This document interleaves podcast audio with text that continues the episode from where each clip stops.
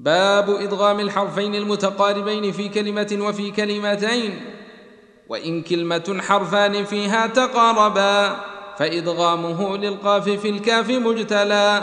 وهذا إذا ما قبله متحرك مبين وبعد الكاف ميم تخللا كيرزقكم وثكم وخلقكم وميثاقكم أظهر ونرزقك انجلا وإدغام ذي التحريم طلقكن قل أحق وبالتأنيث والجمع أثقلا ومهما يكونا كلمتين فمدغم أوائل كلم البيت بعد على الولا شفا لم تضق نفسا بها رمد واضنين.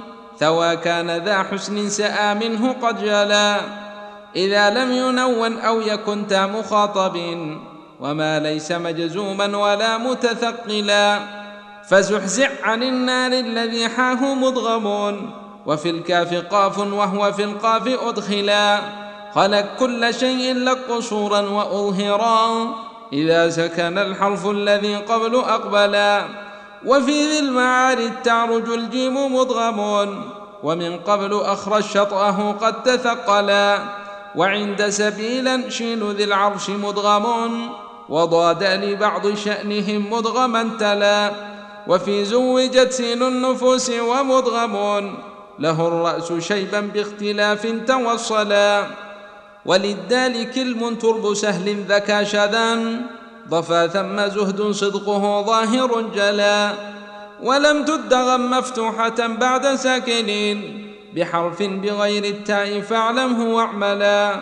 وفي عشرها والطاء تضغم تاؤها. وفي أحرف وجهان عنه تهللا فمع حمل التوراة ثم الزكاة قل وقل آت ذا والتات طائفة على وفي جئت شيئا أظهروا لخطابه ونقصانه والكسر الإدغام سهلا وفي خمسة وهي الأوائل ثاؤها وفي الصاد ثم السين ذال تدخلا وفي اللام راء وهي فرا وأظهرا.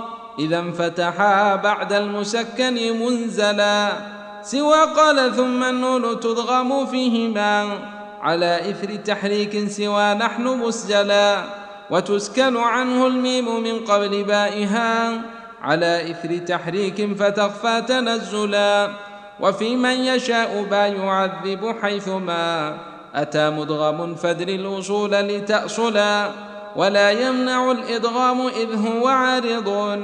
إمالة كالأبرير والنير أثقلا وأشمم ورم في غير باء وميمها. مع الباء أو ميم وكن متأملا. وإدغام حرف قبله صح ساكنون عسير وبالإخفاء طبق مفصلا. خذ العفو وامر ثم من بعد ظلمه. وفي المهد ثم الخلد والعلم فاشملا